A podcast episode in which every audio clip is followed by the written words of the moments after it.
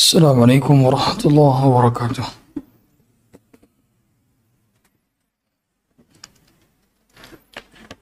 الحمد لله رب العالمين دائما الإفضال عظيم النوال الصلاة والسلام على نبينا محمد مولى بلال بدر متلال وعلى آله وصحبه خير صحب وآل. أشهد أن لا إله إلا الله وحده لا شريك له وأشهد أن محمدا عبده ورسوله. صفيه من خلقه وخليله أدى الأمانة وبلغ الرسالة ونصح للأمة وكشف الله به الغمة وجاهد في الله حق جهاده حتى أتاه اليقين وتركنا على محجة بيضاء ليلها كنهارها لا يزيغ إلا عليه اللهم صل وسلم وزد وبارك وأنئم وكرم ومجد على عبدك ورسولك محمد صلى الله عليه وعلى آله وصحبه وسلم. فقال عز من قائل يا أيها الذين آمنوا اتقوا الله حق تقاته ولا تموتن إلا وأنتم مسلمون وقال عز وجل يا أيها الذين آمنوا اتقوا الله وقولوا قولا سديدا يصلح لكم أعمالكم ويغفر لكم ذنوبكم ومن يطع الله ورسوله فقد فاز فوزا عظيما أما بعد Hadirin sekalian dirahmati Allah Subhanahu wa taala.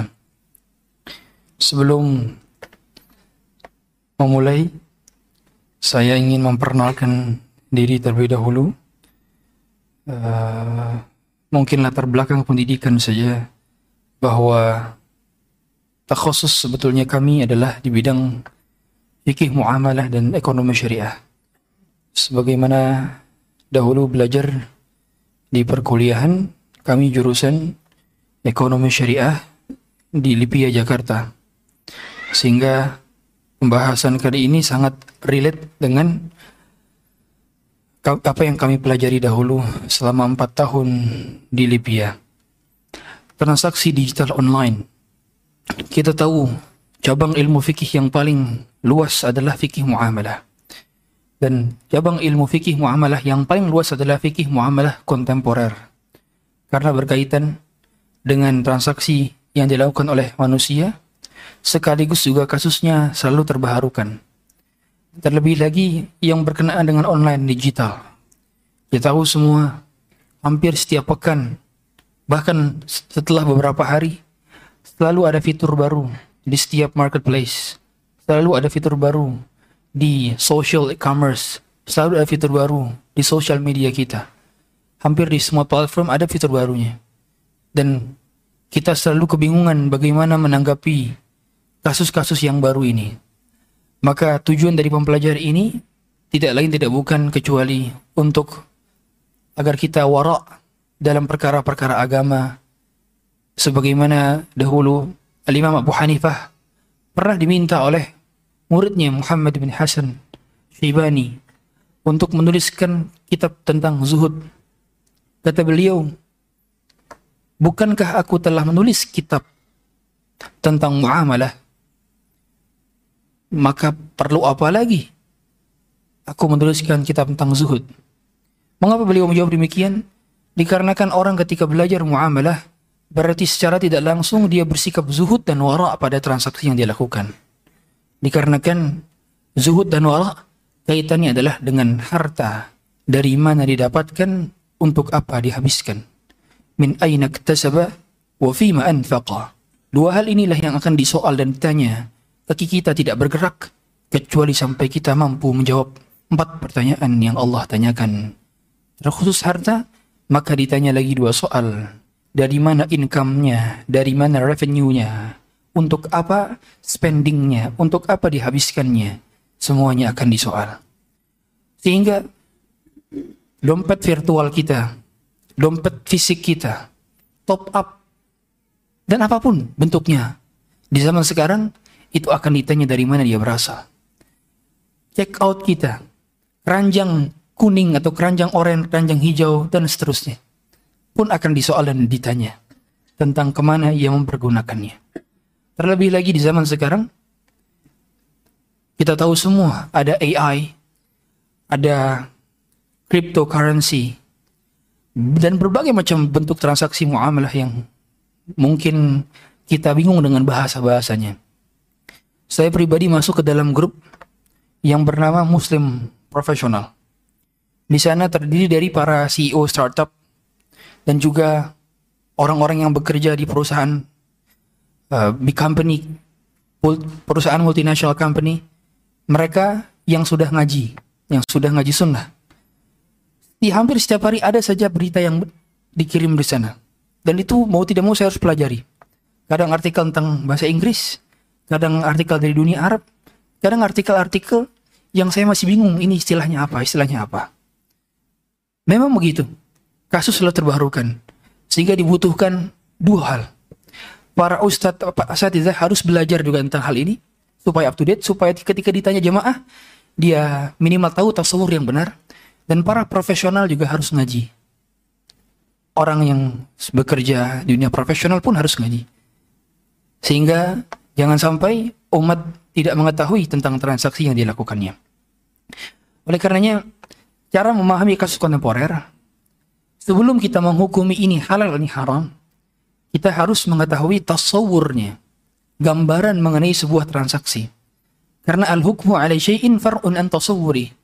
Hukum atas sesuatu itu bagian daripada tasawurnya, bagian daripada gambaran descriptionnya.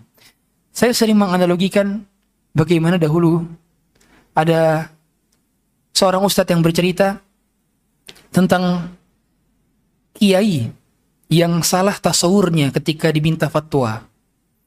Ditanya oleh jemaah melalui telepon, Kiai, apa hukumnya hot Kiai nyari di kamus. Hot artinya panas, dog artinya guguk. Haram hot dog itu katanya. Padahal hot dog adalah roti, tengah-tengahnya ada sosis. Karena salahnya gambarannya, karena salahnya tentang descriptionnya, akhirnya salah juga output dari hukum dan fatwanya.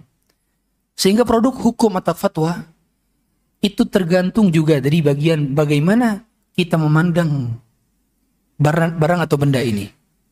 Baru kemudian dicari pendekatan yang lebih dekat dengannya dengan metode analogi atau kias. Dikarenakan khusus kontemporer umumnya tidak ada di zaman dahulu. Sehingga yang dicari adalah pendekatan yang paling sama transaksinya ini lebih dekat ke mana. Oh, sekarang ada barang baru namanya drop shipping. Kita tahu semua kalau kita uh, uh, kita nggak punya barang, kita bisa jadi dropshipper, kita langsung kirim barang order orang oleh kita, tapi kita belum punya barang. Ini hukumnya lebih dekat ke mana? Oh ternyata ada ulama yang mengatakan, oh ini nggak boleh. Karena dia sama saja jual beli barang yang belum dimiliki. Sedangkan kata Nabi SAW kepada Hakim bin Hizam, La tabi' ma. Kamu belum boleh menjual barang yang belum kamu miliki. Oh ternyata haram rasa ini. Ada ulama yang melalui pendekatan, oh transaksi ini lebih dekat ke salam. Dikarenakan benda yang dibeli umumnya oleh customer, itu benda-benda yang sudah banyak di pasaran. Dan pada saat benda dikirimkan, itu benda dikirimkan pengirimnya atas nama si dropshipper, bukan atas nama si supplier. Oh berarti ini lebih dekat ke salam. Dan juga full payment di awal, nggak ada DP, nggak ada down payment. Hingga lebih dekat ke salam. Oh karena ini akadnya salam. Salam pernah ada di zaman Nabi. Sedangkan salam tidak ada di Mekah dahulu. Salam baru ada di Madinah. Ketika Nabi SAW berada di kota Madinah, muncullah transaksi salam yang dilakukan oleh orang-orang di Madinah. Maka Nabi memberikan guideline-nya, memberikan aturannya. Man aslafa fi syai'in fa fi kailin ma'lum wa wazin ma'lum ila ajalin ma'lum. Siapa yang mau transaksi salam, maka tenggat waktunya harus jelas, bendanya harus jelas, ukurannya harus jelas.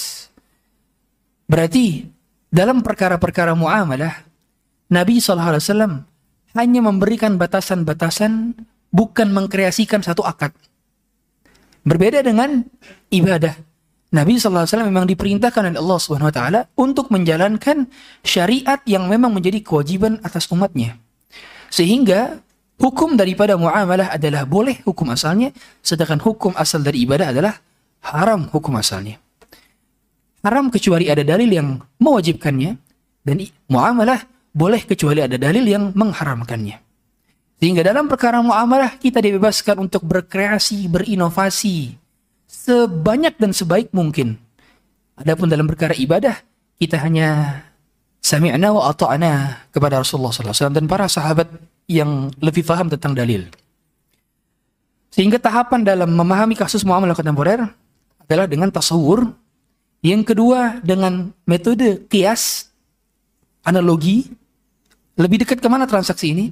Yang ketiga adalah dengan metode memilih dari antara pilihan-pilihan tadi, yang mana yang lebih tepat.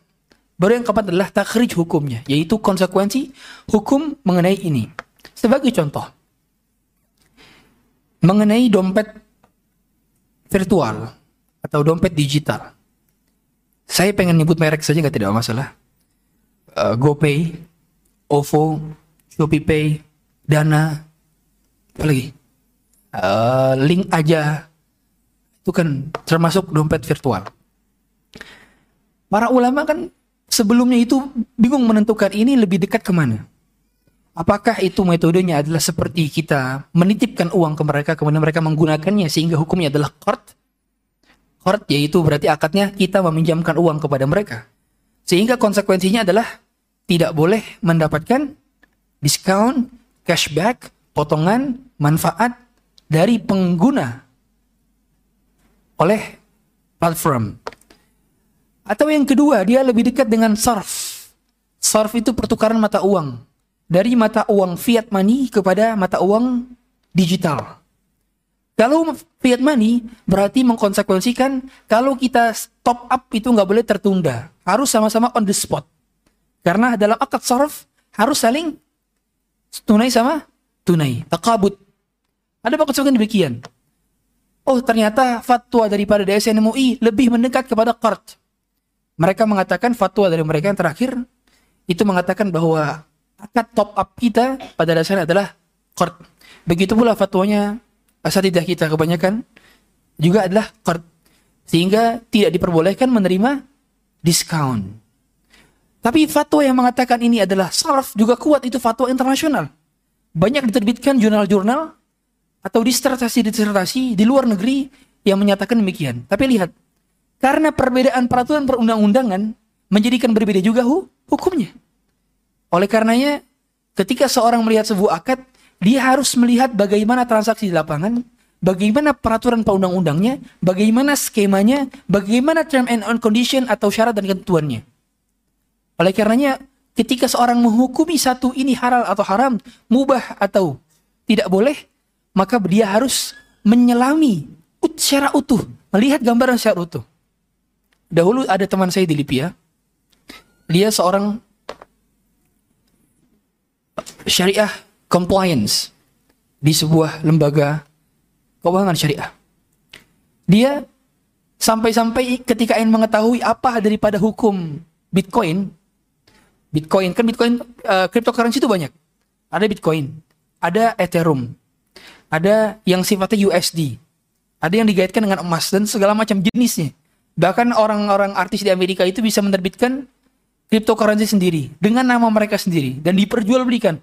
Masa pada saat itu kita tahu semua ada artis-artis di Indonesia yang mereka rilis cryptocurrency sendiri. Dia sampai supaya mengetahui hukum ini seperti apa, dia beli dulu. Oh, ternyata begini transaksi model-modelnya.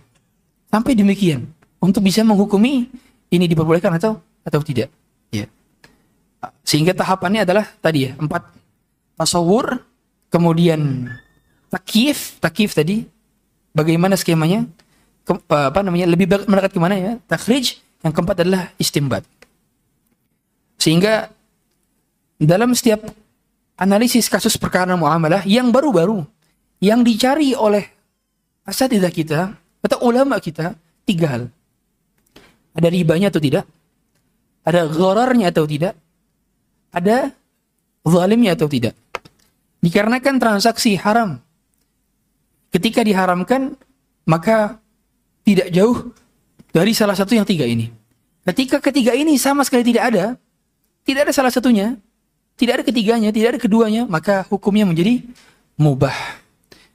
Saya sering kali diminta untuk membaca draft akad jadi antara hal yang saya lakukan, saya menjadi konsultan di bidang di bidang uh, ekonomi syariah, terutama pada kasus-kasus digital marketing. Itu saya membaca akad. Kadang-kadang yang disampaikan secara langsung berbeda dengan apa yang di draft. Akadnya begini disampaikan, oh itu syariah aman. Ketika dituangkan dalam butir-butir poin draft, pasal-pasalnya bertentangan Akhirnya saya bilang ini ganti, ini ganti, ini ganti. Karena ini nggak sesuai dengan syariah. Oleh karenanya syariah menentukan ini syariah atau tidak itu berat. Berat. Pertanggungjawaban di sisi Allah.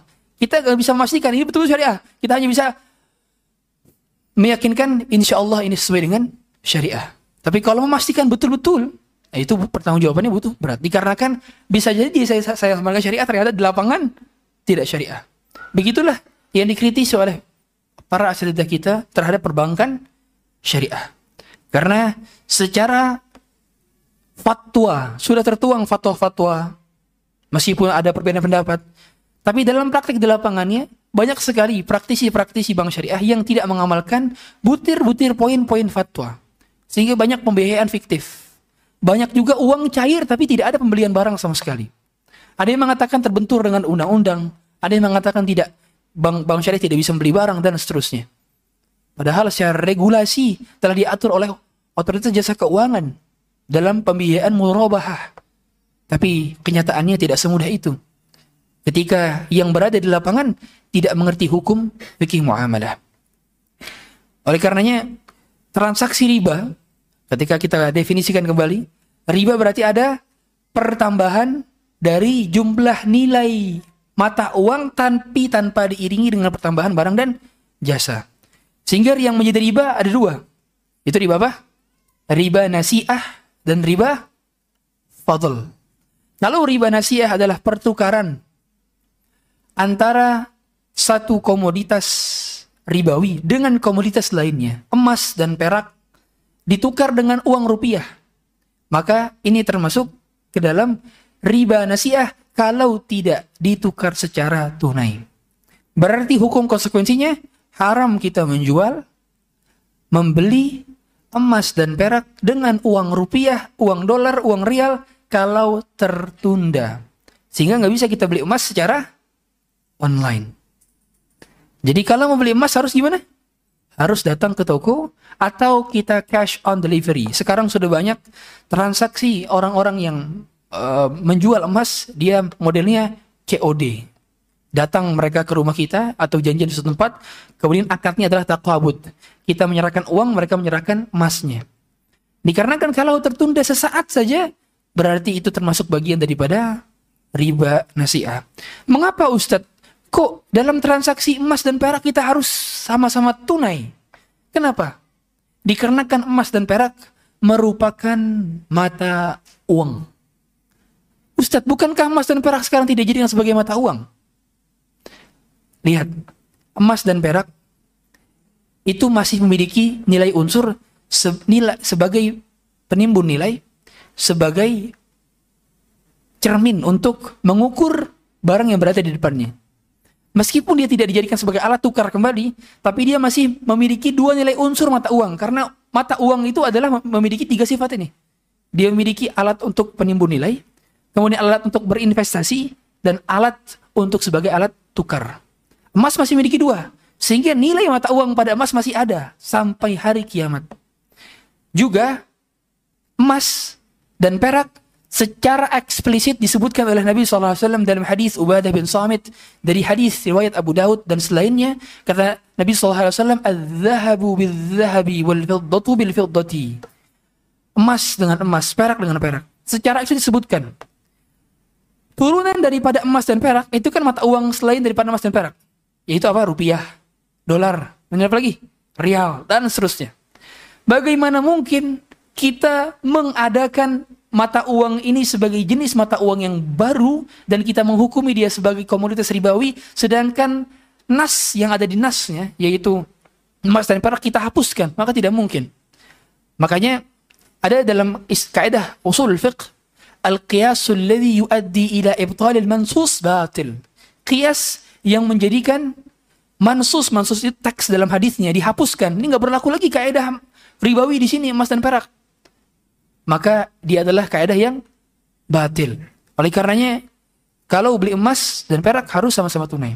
Sehingga tidak diperbolehkan menggadai emas. Tidak diperbolehkan juga cicil emas. Mengapa kalau menggadai emas tidak diperbolehkan dikarenakan begadai emas di pegadaian itu dia menggabungkan antara akad utang dengan akad biaya jasa menyimpan emasnya. Sedangkan kata Nabi SAW, La yahillu salafun wa bay'un. Tidak halal menggabungkan antara akad jual beli dengan akad hutang piutang. Umumnya kalau kita di pegadaian, kita menggadai emas kita dapat uang pinjaman. Tapi selama emas kita di sana ada biaya penyimpanan, kan gitu. Ya, biaya penyimpanan ini termasuk apa? Jual beli. Jual beli apa? Jasa, kan gitu. Pinjam meminjam termasuk akad utang piutang. Berarti ada penggabungan akad utang piutang dengan akad jual beli dan ini diharamkan dikarenakan menjadi hilah ribawiyah, menjadi apa namanya? istilahnya menjadi transaksi riba yang dibuat-buat dan itu adalah bagian daripada riba. Sehingga tidak boleh juga dari kredit emas. Kalau seorang melakukan kredit emas, berarti seorang dia pembayarannya tidak sama-sama tunai. Karena ada di pegadaian, model-model adalah kita beli emas 10 gram, tapi dicicil uangnya. Itu semata kredit emas. Bolehnya seperti apa? Bolehnya adalah Anda beli emas satu, nabung ke dia. Satu gram, udah punya uang, beli nabung ke dia. Satu gram nabung ke dia, itu tidak masalah. Tapi kalau bentuknya bukan demikian, maka tidak diperbolehkan. Kalau yang bentuknya kita beli satu gram emas ke dia, kita tabung ke dia, itu namanya akad wadiah. Meskipun ada biaya jasanya di sana, maka tidak dipermasalahkan. Dikarenakan biaya jasa tersebut tidak digabung dengan akad hutang piutang. Bagian daripada penggabungan antara akad akad akad salaf wa akad utang piutang dengan akad jual beli yang tidak diperbolehkan seperti dana talangan haji. Dana talangan haji yang menjadikan bank syariah sebagai orang yang pihak yang menalangi uang kita untuk berangkat haji, kemudian kita membayar biaya administrasi, pada dasarnya itu adalah akad riba. Mengapa akad riba? Dikarenakan secara administratif, saya pernah bertanya kepada seorang yang bekerja di DSN MUI, dia menyatakan bahwa pada dasarnya yang menyerahkan dokumen dan berkas itu nasabah, bukan bukan pihak perbankan. Sehingga kalau dikatakan itu ada jasa perbankan di sana, maka tidak ada jasa perbankan sama sekali. Mereka cuman nalangin saja. Dan jasa atas penalangan itu haram. Dikarenakan kafalah. Kafalah itu kan penalangan. Sini saya talangin hutang kamu. Dengan syarat kamu nanti bayar jasa ke saya karena saya sudah nalangin hutang kamu. Ini namanya akad kafalah bil ujroh. Upfi, upah dari hasil penalangan kita terhadap utangnya orang lain. Tidak boleh. Makanya akad kafalah, akad domanah, penalangan itu itu bukan akad bukan akad komersil, tapi akad sosial. Sebagaimana kita ketahui dalam fikih muamalah ada dua akad. Yang pertama akad sosial, tabarruat, yang kedua akad komersil atau muawadat. Akad komersil kita diperbolehkan mengambil keuntungan di sana. Sedangkan akad sosial kita tidak perlu mengambil keuntungan di sana. Contoh yang ada akad sosialnya apa? Hutang piutang. Hutang piutang ini termasuk akad sosial. Bukan akad komersil. Sehingga kita tidak diperkenankan mengambil manfaat dari akad hutang piutang. Oleh karenanya, kalau ada orang berkata, Ustadz, saya Bayar riba itu kan karena ada time value of money. Duit itu kalau hari ini sama tahun depan akan berbeda Ustadz. Kalau hari ini kita bisa beli bakso 20 ribu, besok bisa-bisa 30 ribu bakso Ustadz. Sehingga kan ada nilai inflasi. Maka sebagai bentuk kompensasi, saya berikan riba tersebut kepada dia Ustadz sebagai bunganya. Karena dia uangnya berkurang, nilai uang itu berkurang Ustadz. Gimana cara bantah syubhatnya ini? Cara bantahnya adalah Penyebab daripada inflasi itu adalah riba. Bagaimana mungkin solusi dari inflasi justru riba? Sama seperti orang lagi sakit karena keracunan diketambah lagi racun. Maka tidak mungkin. Kita tahu, penyebab daripada tingginya harga barang dan jasa itu karena banyak orang minjam ke bank dengan transaksi bunga. Sehingga mereka akhirnya mendapatkan beban tambahan. Contoh, dia membayarkan minjem 100 juta. Dengan bunganya jadi 150 juta. Berarti 50 jutanya ini beban tambahan. Ketika mereka mendapati beban tambahan, otomatis mereka membebankan ini kepada customer kan gitu. Ketika mereka membebankan customer, berarti harga unit cost dari setiap produk dan jasa bertambah kan gitu. Ada pertambahan barang dan jasa. Akhirnya harga menjadi tinggi dan itu disebabkan karena transaksi riba. Dan juga penyebab harga mahal kita tahu semua, teori ekonomi tahu semua ketika barang dan jasa tidak beriringan pertumbuhannya dengan jumlah uang beredar di masyarakat, maka menghasilkan daya beli masyarakat tinggi sedangkan jumlah barang dan jasanya terbatas. Akhirnya ketika demandnya lebih tinggi dibandingkan supply, otomatis harganya naik. Kan begitu teori ekonominya. Sehingga nggak bisa kita menjadikan itu sebagai obat dari inflasi. Riba adalah penyakitnya inflasi. Maka obatnya adalah dengan kembali ke aturan, yaitu transaksi jual beli. Makanya Allah clear mengatakan wa halallahu al-bai'a wa harrama riba. Allah menghalalkan jual beli dan mengharamkan transaksi riba.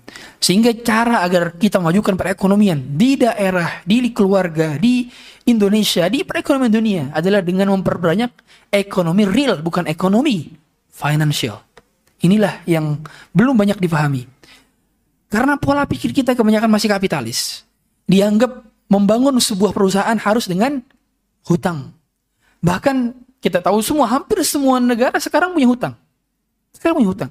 Karena pola pikirnya, negara tidak mungkin dibangun tanpa hutang kan begitu.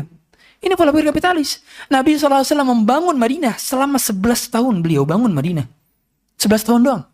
Tapi menjadi peradaban. Apakah dengan hutang? Tanpa hutang. Menaklukkan Khaybar. Menaklukkan Bani Nazir. Bani Qainuqa. Ditaklukkan oleh Nabi SAW. Perang 2000 melawan 10.000 ketika perang Ahzab. Apakah dengan riba? Tidak. Tapi dengan keimanan kekuatan keimanan dalam setiap transaksi yang dilakukan, itulah yang menjadikan kita mendapatkan keberkahan dari Allah Subhanahu wa taala. Hadirin sekalian dirahmati Allah Subhanahu wa taala. Sehingga uh, saya cuplikan satu-satu ya mengenai contoh example-nya saja mengenai transaksi digital dan online di zaman sekarang. Pay letter. Kita tahu semua hampir semua marketplace sekarang ada pay letternya. Sebutkan dari berbagai macam warna toko oranye, toko hijau, the pay-pay yang lainnya hampir ada pay letter.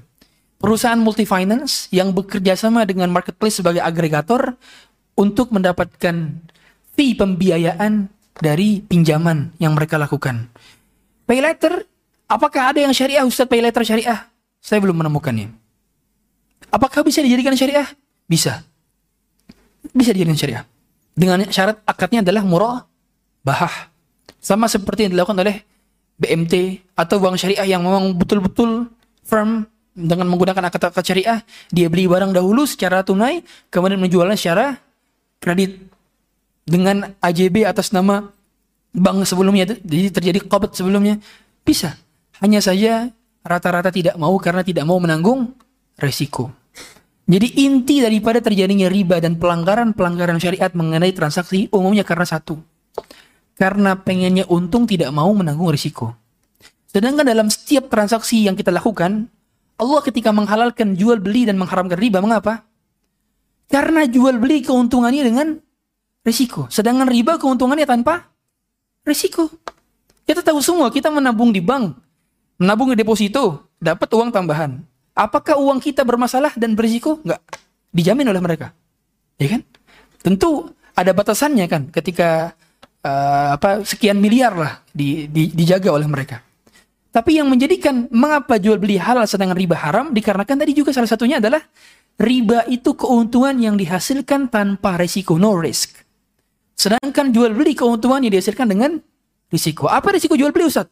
Contoh risiko barang tidak laku. Risiko barang tiba-tiba lenyap dicuri oleh orang. Risiko ini. Risiko ketika barang terkena bencana alam, resiko. Sedangkan uang yang kita tabungkan di bank konvensional, uang yang kita taruh di deposito, uang yang kita jadikan sebagai modal untuk riba, ini pada dasarnya utuh dan tidak berkurang. Sedangkan dia malah bertambah. Sedangkan dalam posisi dalam Islam adalah high risk, high return. Semakin tinggi risiko, semakin tinggi juga pendapatannya. Maka nggak bisa kalau kita mendapatkan keuntungan tanpa risiko. Sebagaimana hadis yang disampaikan oleh Rasulullah SAW dalam hadis riwayat Tirmidzi nomor 1234. Kata beliau, la ribhu lima lam tudman. Tidak boleh ada keuntungan dari perniagaan yang belum sempat menanggung risiko di dalamnya. Mengapa? Makanya kita tidak boleh jual beli pada barang yang belum kita miliki. Mengapa? Karena kita belum sempat menanggung risiko barang.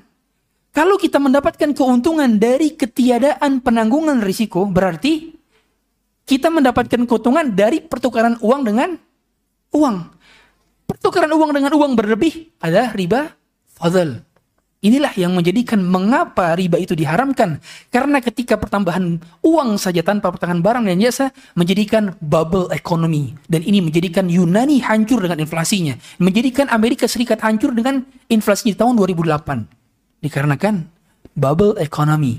Karena tingginya NPL, non-performing loan, sekaligus juga tingginya orang-orang yang bertransaksi riba dalam sebuah negara. Wajar saja Allah Subhanahu wa taala mengatakan yamhaqullahu riba wa yurbis sadaqat. Apa kata Allah Subhanahu wa taala? Yamhaq. Allah di sini menggunakan mahiqa. Mahiqa itu dengan dengan kata berbeda dengan halaka. Kalau halaka itu hancur artinya sekali langsung. Kalau mahiqa hancurnya berangsur-angsur. Kehancuran riba itu memang tidak kita saksikan setahun, dua tahun, tiga tahun, tidak. Tapi baru kita rasakan 10 tahun, 20 tahun, 30 tahun.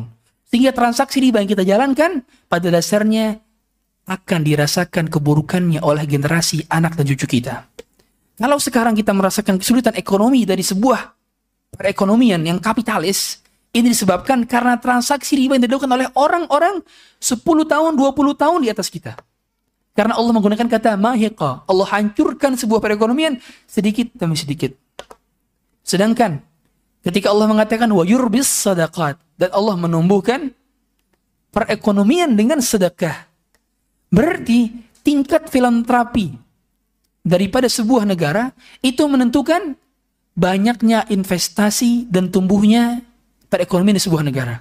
Makanya kalau kita lihat lihat mengukur tingkat kebahagiaan sebuah negara sekaligus tingkat perekonomian bagus sebuah negara, lihat dari dua.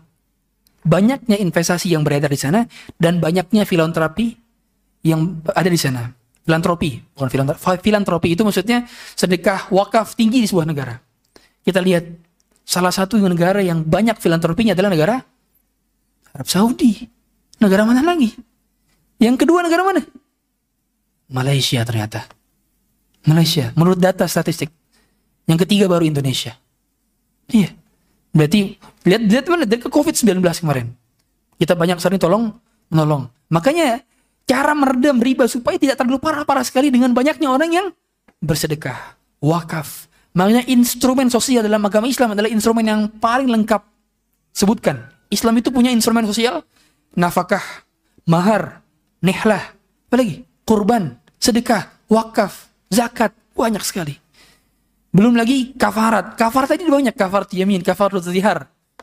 Banyak sekali kafarat. Belum lagi kalau kita menceraikan perempuan ada mu'nah namanya mu'nah. Dalam, dalam pengadilan agama itu adalah mu'nah. Uang kita berikan sebagai supaya kelegaan hatinya wanita ketika di, ketika diceraikan. Itu ada, ada, ada, ada instrumen sosialnya. Kita juga ada itq. Kita membebaskan budak. Itu hukum-hukum ini masih ada sampai hari kiamat dan eksis meskipun budaknya sudah tidak ada. Tapi hukumnya tetap berlaku sampai hari kiamat. Berarti Islam adalah agama yang menganjurkan kita untuk banyak transaksi-transaksi yang membawa pahala ke dalam akhirat. Bukan cuma di dunia. Karena apa yang kita kumpulkan di dunia ini kalau cuma pundi-pundi uang, maka tidak ada bedanya kita dengan orang yang tidak beriman. Orang tidak yang beriman pun mereka bekerja hanya untuk menambah nominal rekening mereka tanpa menambah pundi-pundi amal akhirat mereka. Hadirin sekian terima Allah Subhanahu wa taala. Kemudian bagaimana mengenai hukum dropshipping? Dropshipping di mana si dropshipper tidak punya barang, kemudian dia dapat orderan dari orang lain, kemudian dia membeli barang dari dari milik supplier, nanti supplier yang langsung ngirim barang dari supplier ke si pembeli. Maka hukumnya seperti apa Ustadz? Kami lebih condong kepada pendapat yang mengatakan ini transaksi salam.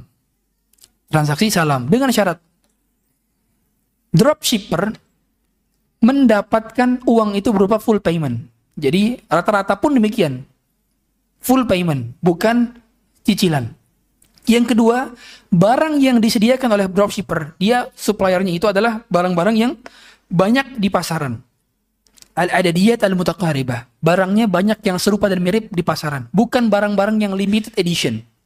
Dikarenakan akad salam tidak boleh pada benda-benda, barang-barang, komoditas-komoditas yang langka di pasaran. Dan juga custom. Tidak bisa pakai akad salam. Oleh karenanya kalau Anda pakai akad salam, pakai akad dropshipper, pada komoditas-komoditas yang langka, contoh, ada baju-baju luar negeri, apa namanya, Supermi, bukan? Sup, uh, Supreme. Ya. Supreme itu kan langka itu. Ya kan? Itu kalau orang di uh, dia dia itu hanya rilis saya kurang tahu berapa pieces setiap kali dia rilis itu. Apa yang ngantri orang semalam semalaman. Nggak bisa Anda pakai akad dropshipping dalam transaksi ini. Juga pada komoditas-komoditas yang custom. Ada itu beberapa merek, saya nggak tahu nama-nama mereknya apa, baju-baju akhwat itu. Kalau dibuka di pameran, langsung orang-orang udah kayak ngambil apa gitu. Ada itu. Anda kalau lihat di rekaman-rekaman seperti itu. Nah, itu nggak bisa pakai akad dropshipping karena dia langka. Harus banyak di pasaran. Yang ketiga, nama yang tertulis dari pengiriman si supplier kepada pembeli harus atas nama drop shipper. Yang keempat, segala macam kerugian dan risiko ketika pengiriman barang sampai terjadi di pembeli atas resiko si dropshipper, bukan atas resiko supplier. Sehingga ketika barang ternyata di tengah-tengah jalan rusak, bukan karena kelalaian kurir, bukan, karena memang uh, karena memang bencana saja. Maka yang menanggung risikonya adalah dropshipper. Ini syarat diperbolehkannya dropshipping dalam akad-akad transaksi sosial. Uh, dalam akad transaksi di di online. Berikutnya, transaksi pre-order. PO. Akad pre-order umumnya dua. Akad pre-order pada benda-benda atau barang-barang yang sudah jadi dan banyak di pasaran. Yang kedua adalah pre-order pada benda-benda yang butuh proses produksi. Kalau benda-benda yang sudah ada di pasaran, maka namanya kulakan. Dan kalau pada transaksi yang sudah banyak di pasaran benda-bendanya, maka berarti akadnya adalah salam. Kalau akad salam berarti konsekuensinya bayarnya harus di depan, ya. Jadi nggak boleh pakai down payment, DP nggak boleh. Kemudian dia juga barangnya harus banyak di pasaran dan tenggatoknya harus ditentukan. Adapun pada akad yang kedua, barangnya butuh proses produksi, custom. Maka berarti akadnya adalah istisna. Apa itu istisna? Sama bentuknya pre-order, tapi barangnya butuh proses produksi. Seperti apa? Bangun rumah. Seperti bikin baju yang ada tulisan custom kita, tulisan nama kita. Seperti buat kue. Apalagi? Macam-macam banyak ya. Yang pre-order. Itu akadnya istisna. Kalau istisna tidak harus full payment. Tapi boleh pakai down payment, boleh pakai DP. Boleh nggak bayar dulu di awal, bayarnya di akhir boleh. Tapi kalau salam, maka dia harus full payment. Ustadz, apa bedanya Ustadz? Kan sama-sama belum jadi ketika pada saat itu. Beda. Kalau salam, dia adalah akad uang duluan barang belakangan. Sedangkan istisna, dia adalah akad yang tidak hanya jual beli barang, tapi jual beli jasa. Jual beli jasa berbeda dengan jual beli barang. Kalau jual beli barang, maka kemungkinannya ada empat yaitu barang di depan, uang di depan, barang di depan, uang di belakang, uang di depan, barang di belakang, uang di belakang, barang di belakang. Coba sebutin. Berarti empat ini yang tiga boleh, yang keempat tidak boleh. Tiga, uang di depan, barang di depan, uang di depan, barang di belakang, barang di depan, uang di belakang, barang di belakang, uang di belakang. Uang di belakang, barang di belakang tidak boleh. Karena dia termasuk jual beli hutang dengan hutang. Ini pada benda-benda yang sudah jadi di pasaran. Tapi pada benda-benda yang dia ada proses produksinya, berarti yang dijual itu bukan benda saja, tapi juga ada proses jasanya. Paham? Dan ketika ada proses jasanya, maka tidak harus bayar di depan full payment. Sehingga Anda harus cek apakah transaksi pre-order Anda sesuai dengan syarat atau tidak. Ustadz, Rata-rata customer itu itu nggak mau set bayar full payment di awal. Akad pre-order ini tidak jauh beda seperti akad just tipper, just tip. Mirip. Karena dia barangnya nggak di awal kan dan si penjual nggak belum punya barang. Gimana Ustaz? Sedangkan saya belum punya barang. Kan kita tidak boleh menjual barang yang belum kita miliki, kan gitu. Caranya gimana? Maka caranya adalah Anda di awal itu belum berakad jual beli. Tapi Anda hanya janji beli saja. Janji jual, janji beli. Bagaimana maksudnya? Berarti Anda di awal tidak memberitahu fix harga, tapi memberitahu range harga. Misal harganya adalah uh, kisaran 90.000 sampai 100.000. Nah, kita kasih tahu. Begitu Anda sudah beli barang dan barangnya sudah Anda miliki, sudah ada di tangan Anda, sudah kobet dan sudah Anda miliki, baru Anda hubungi orang yang tadi mau beli. Mbak, tadi jenengan mau beli kan? Nah, lihat. Ini harganya sekarang saya kasih 95 ribu. Silakan transfer ke rekening ini. Baru transaksi akad di sana karena sudah terjadi fix harga. Sehingga terhindar dari jual beli barang yang belum dimiliki. Itu solusi bagi Anda yang melakukan pre-order barang yang sudah jadi atau just tipper. Kalau just tipper ada akad tambahan lagi, bisa pakai akad tambahan, yaitu akad wakalah bil ujrah. Akad wakalah bil ujrah ini si customer mengetahui berapa harga aslinya azan dulu. Apa gimana? Azan dulu. Biasanya gimana? Azan, fadal azan.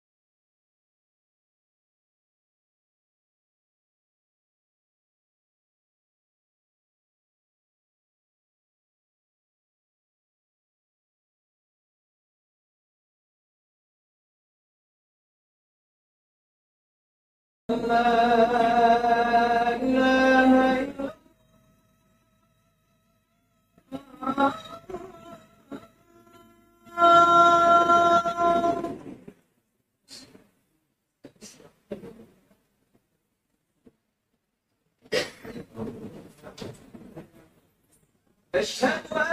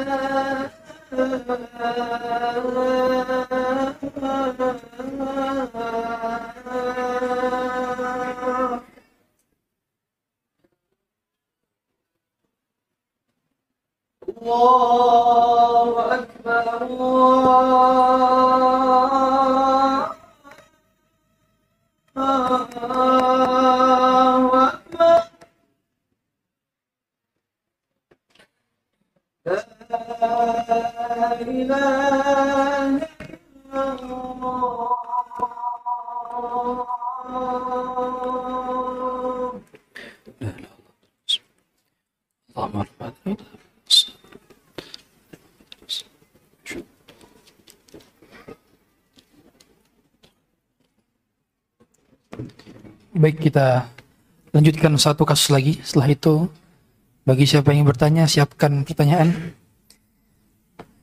Berikutnya adalah mengenai affiliate program di marketplace, yaitu orang yang menyebarkan link toko atau dia mengiklankan produk di share sama dia link toko tersebut, link penjualannya. Nanti setiap kali ada orang yang check out melalui link tersebut, hasil dari link yang sudah di generate oleh website, maka dia mendapatkan fee sejumlah persentase, baik persentase penjualan atau persentase margin atau persentase yang lainnya. Maka hukum daripada akad ini diperbolehkan dengan syarat bagi afiliator tidak mengeluarkan kontribusi berupa uang pendaftaran menjadi afiliator. Akadnya adalah ju'alah. Akad ju'alah adalah akad sayembara. Seseorang digaji berdasarkan hasil yang dia lakukan. Karena akad jual beli jasa itu ada dua. Akad di mana seorang itu digaji berdasarkan waktu pengerjaan, seperti kita kerja kantoran 9 to 5, jam 9 berangkat, jam 5 pulang sore, itu kerja berdasarkan jam. Atau seorang guru misalnya gajinya berdasarkan jam kerjanya. Maka ini akadnya ijarah. Adapun akad ju'alah itu seperti akad Anda uh, lembur. Lembur itu dihitung juga sejumlah daripada hasil yang Anda lakukan maka Anda diberikan. Seperti juga insentif-insentif bulanan. Kalau Anda mencapai target maka dapat bonus. Nah, ini namanya akad ju'alah. Dan akad dalam affiliate program, affiliate marketing dan sejenisnya itu dikategorikan sebagai akad ju'alah dan diperbolehkan menurut syariat. Dan akad ini telah dilakukan oleh uh, Nabi Yusuf pada saat itu di mana ketika Nabi Yusuf uh, ada, ada uh, kerajaan di Nabi Yusuf di zaman Nabi Yusuf pada saat itu yang mereka mengumumkan siapa yang bisa menemukan gelas atau piala yang hilang maka akan diberikan hadiah. Maka itu bagian daripada akad ju'alah. Bagaimana hukumnya menjual foto di aplikasi kontributor nggak dibayar dengan ini? Nah, dengan dolar ya? Oh, dengan dolar. Namun harus mencapai target. Sekian persen pembelian agar pembayarannya bisa diambil. Sama baru saya, saya jelaskan. Hukumnya seperti akad ju'alah. Tentu ada persyaratan lainnya. Seperti fotonya adalah foto yang mubah. Bukan foto membuka aurat atau foto wanita. Ingat, foto wanita baik menutup aurat maupun tidak. Tidak menutup aurat lebih, lebih buruk lagi. Itu tidak boleh dipublikasikan. Foto wanita. Sehingga Anda kalau foto bersama istri Anda, ada keluarga, maka wajib di blur mukanya. Tidak boleh ada foto wanita. Ya, tidak boleh foto wanita. Demikian kata Syekh Saleh Utsaimin. Syekh Saleh Utsaimin termasuk yang membolehkan foto. Tapi beliau keras terhadap orang yang mengupload foto wanita. Meskipun sudah pakai eh, hijab.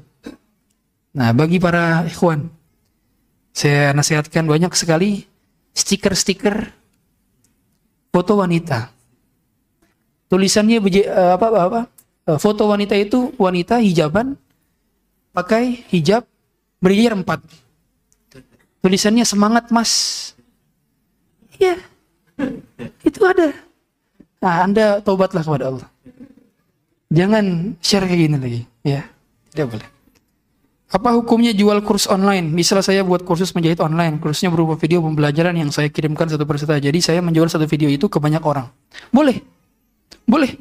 Pada dasarnya itu bagian daripada jasa pengajaran dan diperbolehkan menurut syariat. Bahkan nah ini banyak orang tidak paham. Jadi guru ngaji, guru ngaji, ngajarin tahsin, Anda menganggap private, itu sah dia mengambil fee dan boleh diterapkan tarifnya. Kata Rasulullah SAW, Inna haqqa ma akhadtum bihi ajaran kitabullah. Yang paling berhak mendapatkan jasa justru adalah bagian daripada pengajaran kitab suci kitab Allah. Makanya mengapa para sahabat yang tidak memiliki mahar, mereka tidak punya uh, uang untuk mereka membayar mahar, maka mereka maharnya adalah jasa mengajarkan Al-Quran. Tidak sah jasa, uh, tidak sah mahar hanya hafalan Quran. Tidak sah. Karena sebagian orang uh, uh, gara-gara uh, kebanyakan baca novel dan nonton film, akhirnya maharnya, maharnya apa? Surat Ar-Rahman. Iya. Padahal mahar baca surat di pelaminan itu tidak sah sebagai mahar. Anda harus mengajarkan dia tafsirannya, tajwidnya, dan seterusnya. Itu baru sah sebagai jasa. Tapi dibaca doang itu tidak sah sebagai jasa. Nah, ini keliru makanya banyak orang. Pengen romantis tapi keliru. Makanya harus belajar fikih biar mengetahui. Bagaimana bila ada transaksi hutang piutang dengan tempo yang ditentukan? Tapi setelah itu tempo tidak bisa melunasinya. Tapi malah mewajar me- me- apa nih jual beli berupa tanah sebagai ganti melunasi yang penambahan harga saya jual beli oke pertama hutang tidak dipersyaratkan harus diketahui jatuh temponya. Yang jelas kalau tidak diketahui tempo maka si kreditur orang yang memberi pinjaman boleh menagih kapan pun. Jadi menagih hutang bagian daripada hak si pemberi hutang. Kalau si penerima hutangnya, si debiturnya tidak mampu membayar, maka dia boleh memberikan barang sebagai bentuk barang jaminan. Nanti barang tersebut dijual, kemudian hasil penjualannya untuk menutupi hutang. Kalau kelebihan dari hasil penjualannya, maka sisanya dikembalikan kepada si penerima hutang. Contoh hutangnya 10 juta. Dia nggak bisa bayar 10 juta. Dia punya motor motor Honda Beat tahun 2015. Dijual dapat 11 juta. Maka 10 jutanya ditutupi untuk bayar hutang, 1 jutanya dikembalikan. Seperti itu caranya. Rasulullah SAW dahulu pernah berhutang juga kepada orang Yahudi. 60 sok kandum. Kata Aisyah, beliau menggadaikan baju besinya. Baru ditebus baju besinya kapan? Ketika beliau meninggal oleh Abu Bakar Siddiq. Nah, sehingga boleh berhutang dalam kondisi mendesak dan dalam kondisi di mana kita untuk kebutuhan primer. Jadi Rasulullah itu utangnya dalam kebutuhan primer. Kalau kita dikit-dikit pay letter, dikit-dikit pinjol. Naudzubillah kalau sampai judol. Apa itu judol? Judi online. Kalau odol, nah, odol sikat gigi itu. Jadi eh, jangan jadikan lifestyle hutang ini. Karena kata Rasulullah SAW, La tukhifu anfusakum ba'da amniha. Jangan takut-takut di diri kalian setelah kalian mendapatkan keamanan. Karena hutang itu memindahkan beban masa depan kepada masa sekarang kan gitu. Orang harusnya nggak punya beban, tapi dia membebankan diri sendiri pada hal yang harusnya dia nggak punya beban. Maka sebaiknya kalau belum mampu beli, lebih baik qanaah terhadap apa yang Allah berikan kepada kita. Hidup punya hutang adalah privilege dan ketenangan. Semoga Allah lunasi hutang-hutang kita semua. Anda biasa membeli mini gold setiap bulan untuk reward. Metodenya adalah penjual mengirim mini gold melalui loket kesok hari sampai kesokannya sampai bayar eh, barangnya Anda jemput ke loket dan uangnya ditransfer saat barang diambil. Boleh. Dengan syarat pada saat barang dikirim ke loket itu yang menanggung risiko bukan Anda, tapi si penjual. Karena belum terjadi akad. Akadnya adalah ketika Anda menerima mini goldnya, kemudian Anda transfer, itu adalah akad. Ditakobut. Tapi pada saat pengiriman, maka itu belum terjadi akad. Sehingga resiko pengiriman barang ketika tidak sampai kepada Anda, tidak menjadi risiko Anda, tapi menjadi risiko si penjual. Dikatakan ada enam jenis barang yang harus dibayar secara tunai, tidak boleh kredit, emas, perak, gandum, jerawat, jerawut, jerawat, nggak dijual, kurma dan garam. Tolong Ustaz jelaskan bagaimana penjelasan tentang hadis yang menjelaskan keenam barang tersebut yang dikatakan harus dibayar secara tunai dan bagaimana kalau kita jual belinya secara online salah satu enam jenis barang tersebut. Begini. الذهب بالذهب والفضة بالفضة والشعير بالشعير والبر بالبر والتمر بالتمر مثلا بمثل يدا بيد فإذا اختلفت هذه الأصناف فكيف شئتم إذا كان يدا بيد itu hadis Ubadah bin Samit dalam hadis riwayat Abu Daud atau hadis riwayat Muslim juga termasuk ini maksudnya adalah begini emas dan perak ini ilat dia menjadi ilat ribuinya adalah mata uang kemudian apa lagi tadi bur bur itu gandum syair juga gandum kalau syair jenis gandum jenis barley gandum yang grade dia lebih tinggi pada bur. Kemudian tamar juga bagian daripada lauk pauk. Nah, sehingga penjualannya kalau emas ditukar dengan emas harus sama-sama semisal. Gandum ketika ditukar dengan gandum harus sama-sama semisal sama-sama tunai. Kalau emas ditukar dengan gandum harus sama-sama tunai gak? Gak harus. Karena ilatnya berbeda. Ilat kalau tadi ini ilatnya mata uang, ini ilatnya apa? makanan pokok ya, berbeda. Sehingga Anda beli beras nggak harus harus sama-sama tunai. Kecuali Anda beli berasnya pakai beras. Kalau beli berasnya pakai rupiah, beli berasnya pakai emas, maka tidak ada riba di dalamnya. Karena dia beda jenis komoditas. Yang satu mata uang, yang satu komoditas makanan pokok. Sehingga dua hal inilah yang pada dasarnya menjadikan transaksi riba. Kalau mata uang dengan mata uang tapi beda jenis. Rupiah dengan dolar. Ditukar. Harus sama atau tidak? Tidak harus sama.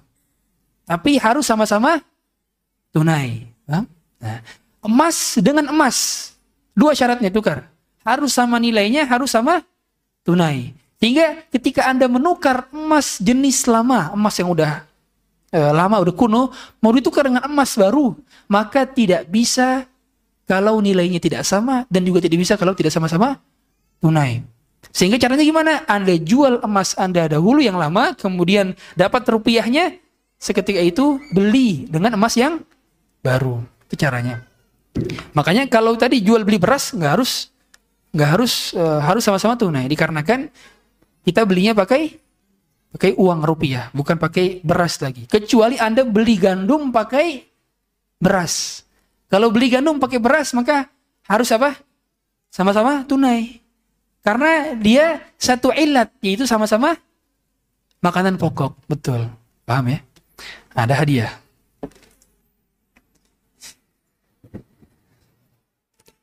Sebutkan apa uh, akad apa yang digunakan pada dropshipping? Angkat tangan. Nah, Angkat salam, betul. Antum harus angkat tangan, jangan malu-malu. Ya. Kemudian sebutkan empat tahapan dalam mengeluarkan fatwa tentang fikih muamalah kontemporer. Fadol. Mumtaz, barakallahu fiik. Ustadznya ini yang jawab. Iya. Pertama tasawur, takif, kemudian takhrij sama istinbat. Wa ya fiik. Kemudian, wah bagus-bagus bukunya nih. Ustaznya dapat gak nih? Kemudian akad apa yang digunakan pada affiliate program di marketplace? Ju'alah, barakallahu fiik. Entas. Akad ju'alah. Ya. Baik. Mungkin demikian saja yang dapat kami sampaikan. Eh, kurang lebihnya mohon maaf. Kita tutup dengan kafaratul majlis. Subhanakallah wa bihamdik. Asyhadu la ilaha illa anta wa atubu. Sallallahu Muhammadin wa ala alihi wa sahbihi. Yang benar datang dari Allah, yang salah datang dari saya. Assalamualaikum warahmatullahi wabarakatuh.